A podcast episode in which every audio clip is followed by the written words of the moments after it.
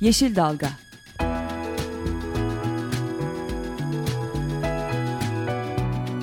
Çevre mücadeleleri üzerine.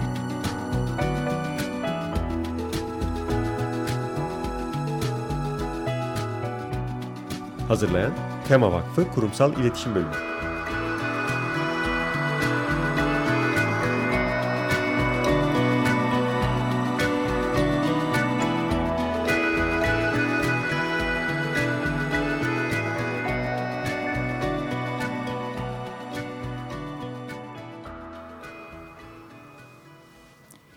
Yeşil Dalga programına da hoş geldiniz. Programı hazırlayan ve sunan ekipten ben Özgül Erdemli Mutlu. Ben Esra Yazıcı Gökmen. Bugün sizlerle birlikte e, Açık Radyo'da yaygın bir şekilde konuşulmakta devam eden e, Soma'daki maden faciasıyla ilgili farklı bir boyutu ele almaya çalışacağız. Çünkü Açık Radyo gerçekten de konu o, gerçekleştiği andan itibaren pek çok ölçekte farklı perspektiflerden konuyu e, taşıdı, e, dinleyicileriyle buluşturdu. Biz de hem dinleyici olarak hem program ekibinden e, iki arkadaş olarak ne yapabiliriz diye baktığımızda vakıf içinde de arkadaşlarımızla da danıştık. Halk sağlığı boyutuyla ilgili olarak inceleyelim dedik. Çünkü hakikaten... Soma'daki facia ile ilgili olarak öncelikle bütün ulus gibi biz de Tema Vakfı olarak büyük yastayız ve öncelikle e, taziyelerimizi e, paylaşmak isteriz. E, bütün e, kaybol, kaybettiğimiz e, madencilerimizin e, anısına, ailelerine başsağlığı diliyoruz. Hala umut varsa da e, bekleyiş bir şekilde devam ediyor. Onlara da Allah sabır versin diyoruz. E, biz e, Esra İstersen sen konumuzu anons et. Ondan Hı -hı. önce de biraz bir iki e, veriyle giriş Konumuz girişelim. tabii e, halk sağlığı deyince e, Tema Vakfı'nın aynı zamanda bilim kurulu üyesi de olan e, Ege Üniversitesi'nden Profesör Doktor Ali Osman Karababa. E, Ali Osman hocamız ile e, kömürün e, hem çıkartılması esnasında yani kömür dediğimiz zaman maalesef e, her aşaması halk sağlığını, insan ve çevre sağlığını çok ciddi bir şekilde tehdit ediyor. Çıkartılmasından başlıyor ardından termik santrallerde yakılmasına kadar e, başından sonuna kadar yani özetle e, bizi çok ciddi bir şekilde tehdit eden bir e, durum. E, Ali Osman hocamızla da bu kömür madenciliğinin e, çalışanlar için nasıl tehditler yaratıyor? E, sağlığı açısından e, maden ocaklarında birçok e, halk sağlığı açısından değerlendirmesi gereken durum var. E, onları konuşacağız. Ondan önce e, hocamıza bağlanmadan önce e, biraz biz e, Esra ile birlikte hem yasaya da kısaca bir bakalım dedik hem de birkaç e, uluslararası veriler, Türkiye'deki verilerden elimize e, geçenleri toparlayabildiklerimize bakmak istedik. Ama öncelikle ben e, senle kısaca şunu bir denemek istiyorum Esra. E, baktığımızda dün çalışırken 6331 sayılı iş sağlığı ve güvenliği kanununu ki bu kaza sonrası tabii ki gündeme geldi bu kanun. E, dinleyicilerimize hatırlatma olması açısından e, bu yasa e, 2012 senesinde e, geçerli oldu. Kasım 2012'de yayınlandı. E, işte biz burayı biraz bu belgeyi detaylı olarak incelemeye çalıştık. E, bu çok rahat internet üzerinden de bulunabiliyor. 6331 sayılı iş güvenliği yasası diye. Ama e, yasanın yani daha doğrusu o resmi belgenin içindeki istatistikler kısmında e, çok ilginç şeyler var. E, karşılaştırmalı veriler de var. Eurostat verilerine göre 100 binde ölümlü iş kazası oranları vardı. O, o gerçekten o tablo o, dikkatimizi çok çekti. E, istersen sen aktar. E, Burada evet e, özellikle e, Avrupa ülkeleriyle Türkiye'yi kıyasladığımız zaman e, 2002, 2003, 2004, 2002 ile 2007 arasında yıllara göre e, ölümlü iş kazası oranlarına bakınca hep Türkiye her bu 2002'den 2007 arasında birinci sırada maalesef 100 binde 2007'ye de bakacak olursak e, 100 binde 12,3 e, oran ki diğer ülkelerde hemen hemen ortalama 2.1 yani çok daha civardayken evet.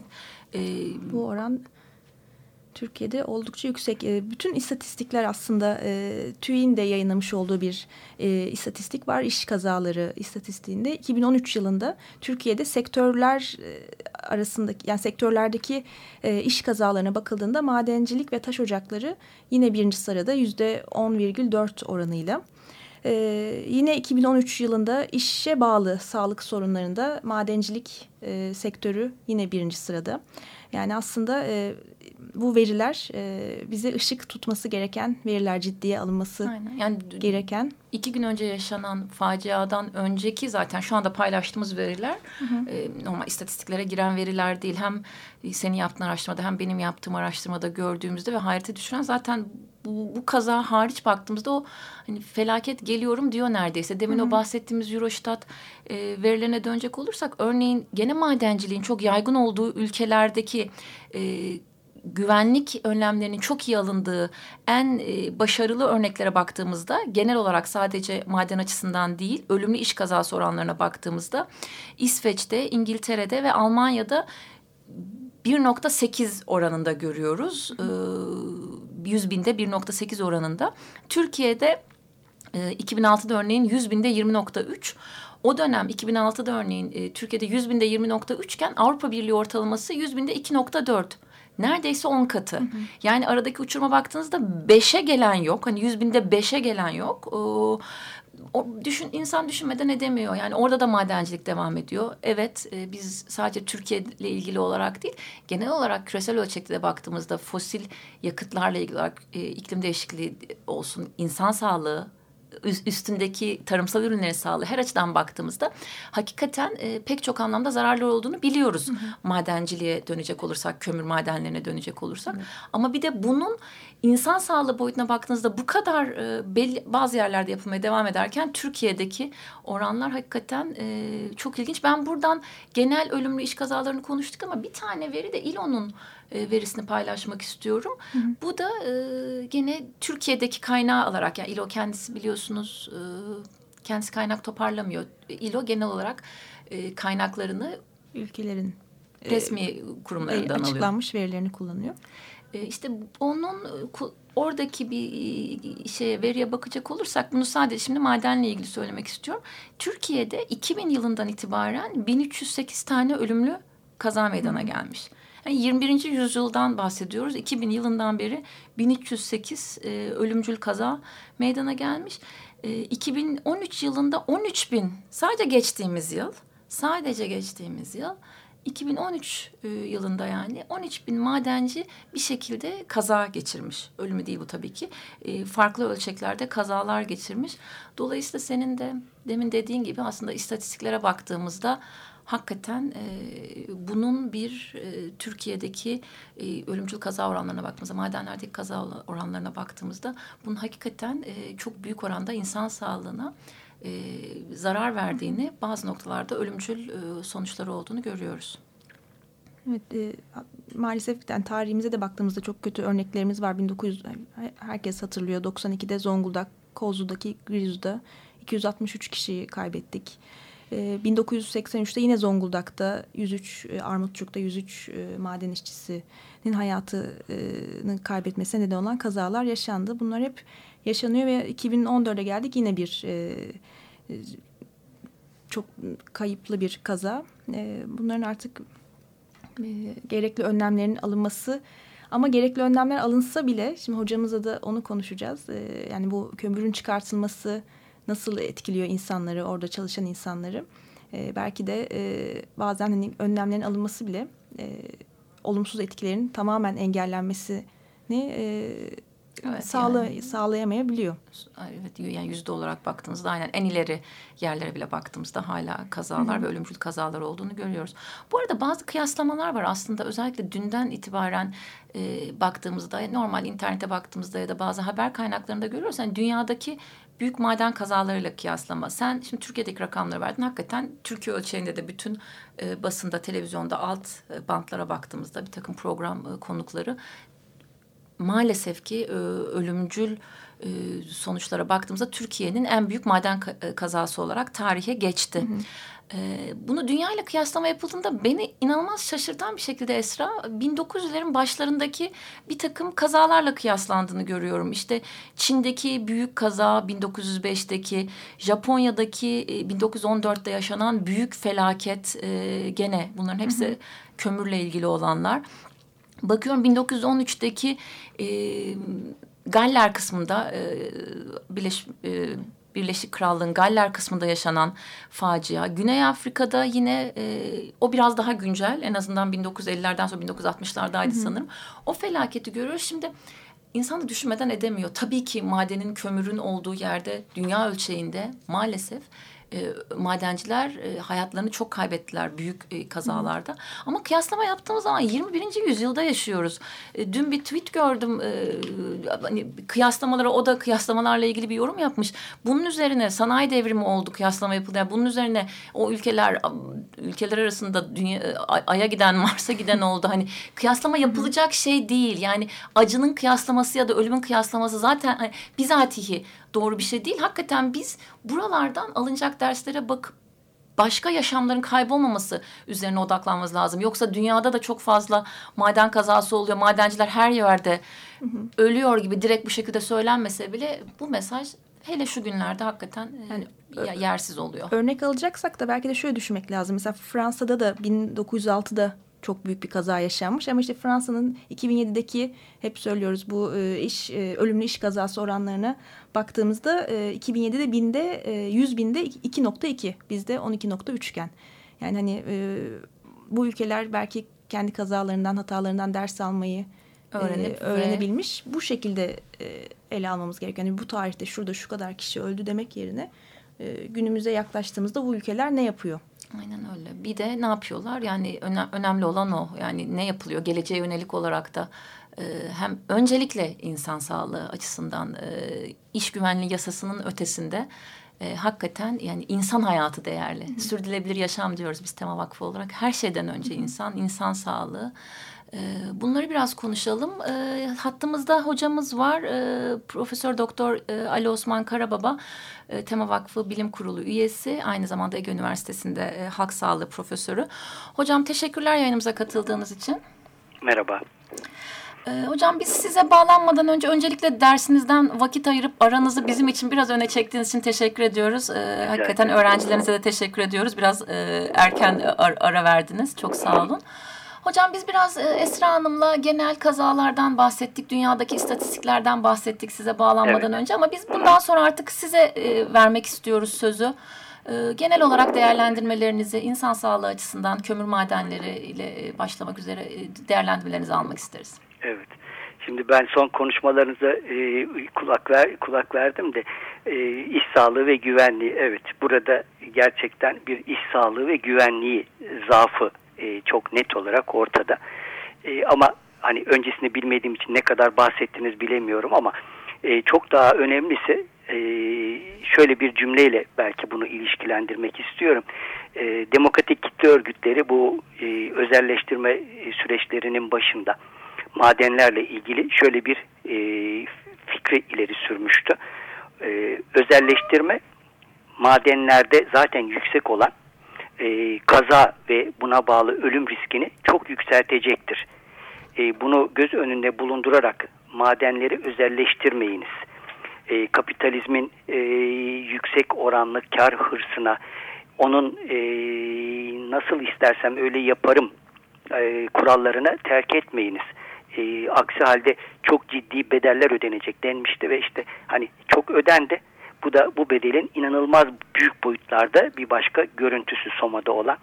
Hani gerçekten bir savaş var da sanki savaşta insanlar ölmüş gibi bu kadar çok sayıda insan ancak bir savaşta ölebilir.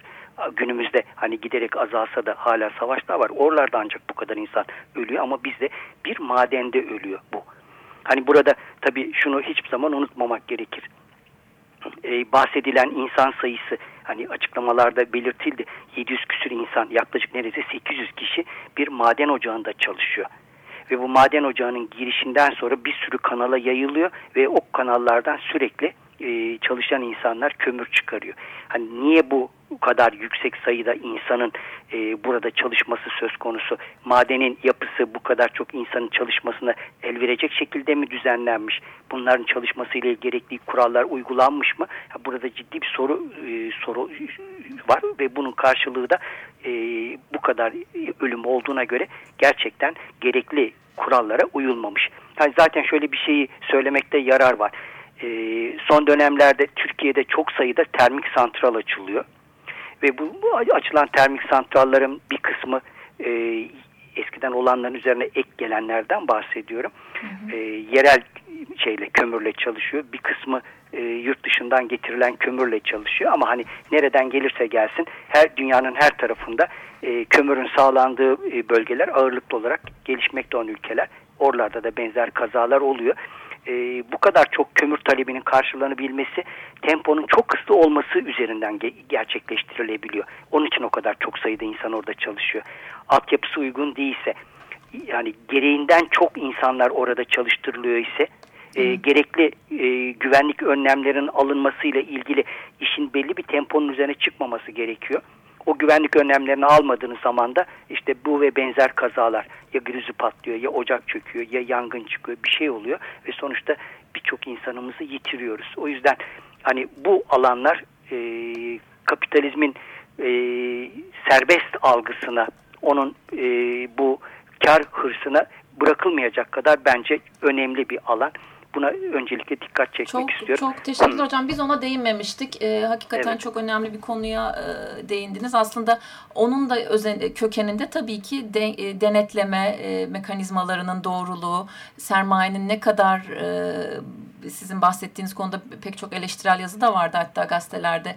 Birkaçında da gördüğümüz konu. Hani çok daha devletten çok daha ucuzun ucuza imal edildiğiyle ilgili bir takım haberler çıkıyor. Sadece e, söz konusu madenle ilgili değil. Onun çok daha ucuza mal edilmesi bir yerde ya doğal varlıklarla ya yeterli e, güvenlikle ilgili olarak önlemlerin yerinde alınmasıyla ilgili olduğunu geçmiş başka kazalardan da görebiliyoruz. Evet, evet, Hocam evet. biraz da genel olarak kömür madenlerinin insan sağlığına zararlarıyla ilgili olarak da e, değinmek isteyeceğiniz şeyleri duymak isteriz.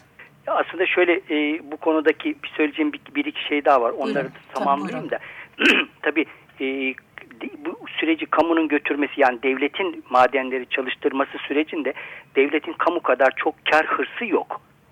E, o nedenle hani işin çok ama gereğinden çok hızlandırılması devletin yapı çalıştırdığı madenlerde söz konusu değil. Gerekli gü güvenlik önlemlerini alıyor. Ondan sonra çalışan oraya e, gönderiliyor. Maden çıkarılıyor. Ama burada öyle değil. Hem maden çıkarılıyor ama bu arada e, güvenlik önlemleri de alınmaya çalışılıyor. Hani belki alınmayan yerlerde e, olduğunu söylemekte bir sıkıntı yok. E, tam bu böyle ikili süreci götürdüğünüz zaman da kazaların ve o nedenle de yoğun ölümlerin ortaya çıkması söz konusu. Şimdi e, kömür madenleri kuşkusuz aslında şöyle yeraltı madenciliği diyeyim. E, bir yüksek sıcaklıkta çalışılıyor. Ne kadar yerin dibi şeyine derinlerine inilirse.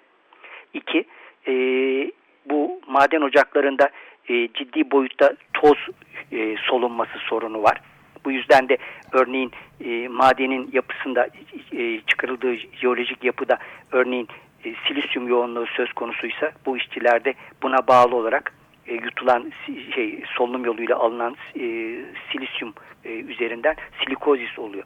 Ne bileyim kömür tozları solunuyor. Akciğerlerde e, bizim o, oksijen transferinin yapıldığı yer olarak söylediğimiz alveollerde e, bu tozcuk, toz tanecikleri oradaki savunma hücreleri tarafından tutuluyor. Bunların yok edilmesi gerekiyor ama bunları hücreler yok edemiyor. O zaman ne oluyor? Bunlar orada yerleşik olarak kalıyor. Bu sefer oranın solunum kapasitesini azaltacak şekilde alveollerdeki yapı bozuluyor, hücreler ölüyor. Ve böylece bu insanlarda solunum kapasitesinde sıkıntılar yaşanıyor, düşüşler yaşanıyor. Normal bir insan kadar vücuduna oksijen taşıyamıyor ve tabii ki bu soluduğu tozlara bağlı olarak da akciğerlerinde kalıcı, e, çoğu geri dönmeyen ve e, daha sonra onun üzerine binebilecek kanserlere kadar gidebilen bir sürecin kapısı açılmış oluyor. Yani bu e, önemli bir şey. Bunun dışında e, nemli, yoğun nem ve sıcak ortamda çalışmak insan bedeninin e, çok başarabileceği bir şey değil. Nem ve sıcağa bağlı sağlık sorunları yaşanabiliyor. E, bunun dışında bu madenlerin bir bölümü yerin dibinde olduğu için e, ciddi boyutlarda su baskınları da bazı madenlerde olabiliyor. Bu, bu da bu tür kazalarla da karşılaşılabiliyor. E, özet olarak benim ilk aklıma gelip de söyleyebileceklerim bunlar. Tabi bunların dışında e, bu kömür şeyden madenden çıkarıldıktan sonra e, şey süreç tamamlanmıyor. Bunlar bir de yakılıyor tabii ki. Bunların yakıldığı yani kömürle özellikle ısınılan bölgelerdeki yani şu dön şeyde son dönemlerde e, hükümetin hani insanlara yoğun biçimde kömür dağıtması söz konusu. Hani belki de bu madende bu dağıtılan kömürler nedeniyle pompalanmış bir şey var. Üretim süreci de var. Bu veya birçok madende benzer şeyden bahsedilebilir. Kazalara bu da tabii ki davetiye çıkarıyor olabilir. E, böyle baktığımızda kömür yakıldığında doğaya çok ciddi boyutlarda zarar veriyor. Çıkan gazlarıyla, hidrokarbonlarıyla, tanecikleriyle, e, isiyle, dumanıyla, her şeyle bu zararlı bir nesneden bahsediyoruz. Ve bir de bunları biz enerji elde etmede de kullanıyoruz. Termik santrallar yapıyoruz giderek daha fazla. Hani kömür çıkmasının bir gerekçesi de bu. Bu yüzden termik santralların yapıldığı bölgelerde Türkiye'de hep isyanda insanlar veya yapılmaya çalışıldığı yerlerde neden? İşte e, az önce söylediğim gibi orada asit yağmurları yoğunlaşıyor, doğa ölüyor.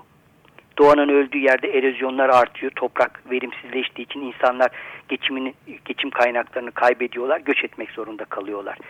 Onun dışında solunum yolu enfeksiyonları artıyor. Onun dışında birçok başta akciğer olmak üzere sistemik kanserlerde artışlar gerçekleşiyor.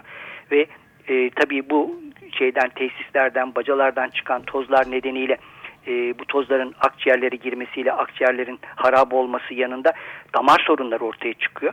Kanların şeyin bu e, yoğun toz e, soluyan insanların damarlarında e, kan e, akışkanlığı azalıyor. O nedenle bu tür insanlarda e, ciddi boyutlarda damar sorunları ortaya çıkıyor. Dolaşım sistemi sorunları ortaya çıkıyor. E, bu insanlar daha çok kalp krizi geçirip ölme riskiyle karşı karşıya kalıyorlar. Bu insanlar daha çok beyin kanaması geçiriyorlar, felç olabiliyorlar veya de, beyin dolaşımı e, durakladığı için, azaldığı için beyin hücrelerinin ölmesine neden oluyor ve bu ölümlere bağlı hücrelerin niteliğiyle ilgili e, şeyler vücutta işlev yitimleri söz konusu oluyor. Yine e, tozun e, alınmasına bağlı olarak e, şeylerde vücudun diğer organlarında da farklı tahribatlar söz konusu oluyor. Hani neresinden tutacağımı bilemiyorum. Ee, inanılmaz boyutta vücudun her tarafında e, hem tozun hem alınan hidrokarbonların e, şeyde e, bacadan çıkan e, hidrokarbonların verdiği zararlar söz konusu. O nedenle hani bizim hayatımızdan olabildiği kadar kömür çıkarmamızda büyük yarar var. Hani hem bu madencilik açısından hem doğaya verdiği e, hava kirliliği ve diğer riskler açısından. Bunun dışında şeylerin e, termik santrallar çıkarıldığı bölgelerin özelliklerine göre bacalarından ve de yaktıkları kül şeyler kömürden çıkan kül nedeniyle doğaya ağır metalleri veriyorlar bol miktarda ve bu ağır metallerin insan sağlığı üzerinde e, hani bir kansızlıktan tutun da düşüklere kadar, kanserlere kadar giden çok sayıda, inanılmaz çok sayıda hastalık yapması söz konusu. Bunlardan bahsedebiliriz gene bu, bu bağlamda. Bunun dışında yine e, doğada tahribat nedeniyle ürün kaybından e, bu nedenle tarımsal şey üretim azalmasından bahsedebiliriz ki hani özellikle e, birçok çevresel olayı üst üste koyduğumuzda hani küre ısınıyor çünkü bu termik santrallardan çünkü kömürün yakılması sonucunda etrafa bol miktarda karbondioksit veriyoruz ve bu karbondioksitin yoğun sera etkisi nedeniyle küre giderek ısınıyor ve buna bağlı sağlık riskleri yaşıyoruz. Hani bu da aynı yani kömürle ilişkilendirilebilecek bir başka süreç. E, hepsini üst üste koyabilirsiniz. O kadar çok zincirleme reaksiyon var ki e, nerede duracağı belli değil artık bu işin. O yüzden hani bir kömürle ilgili süreçleri çok çok çok e, iyi kontrol etmemiz gerekiyor. Madencilik etkinlikleri bağlamında, iş sağlığı güvenliği bağlamında. İki, bunun yakılması ile ilgili ortaya çıkan çevresel riskleri çok iyi görmemiz ve bu nedenle de kömür yakarak bunu enerji kaynağı olarak kullanmaktan vazgeçmemiz gerekiyor. Aksi halde hani e, yaşayacak başka dünyamız yok. Dünya elden gidiyor bu nedenlerle. Çok teşekkür ediyoruz hocam.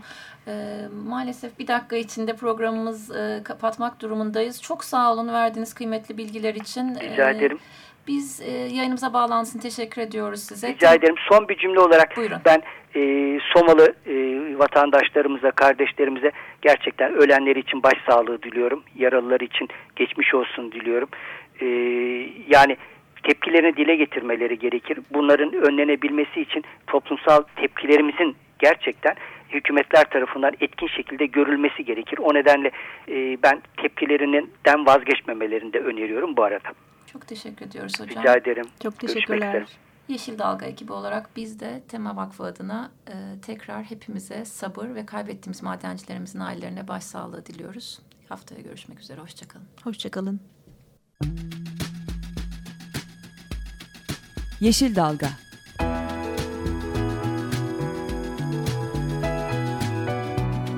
Çevre mücadeleleri üzerine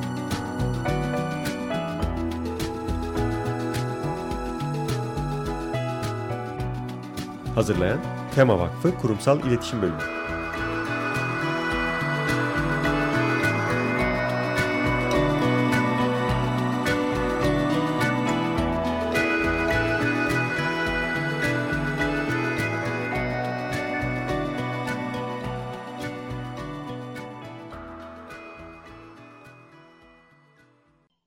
Açık Radyo program destekçisi olun.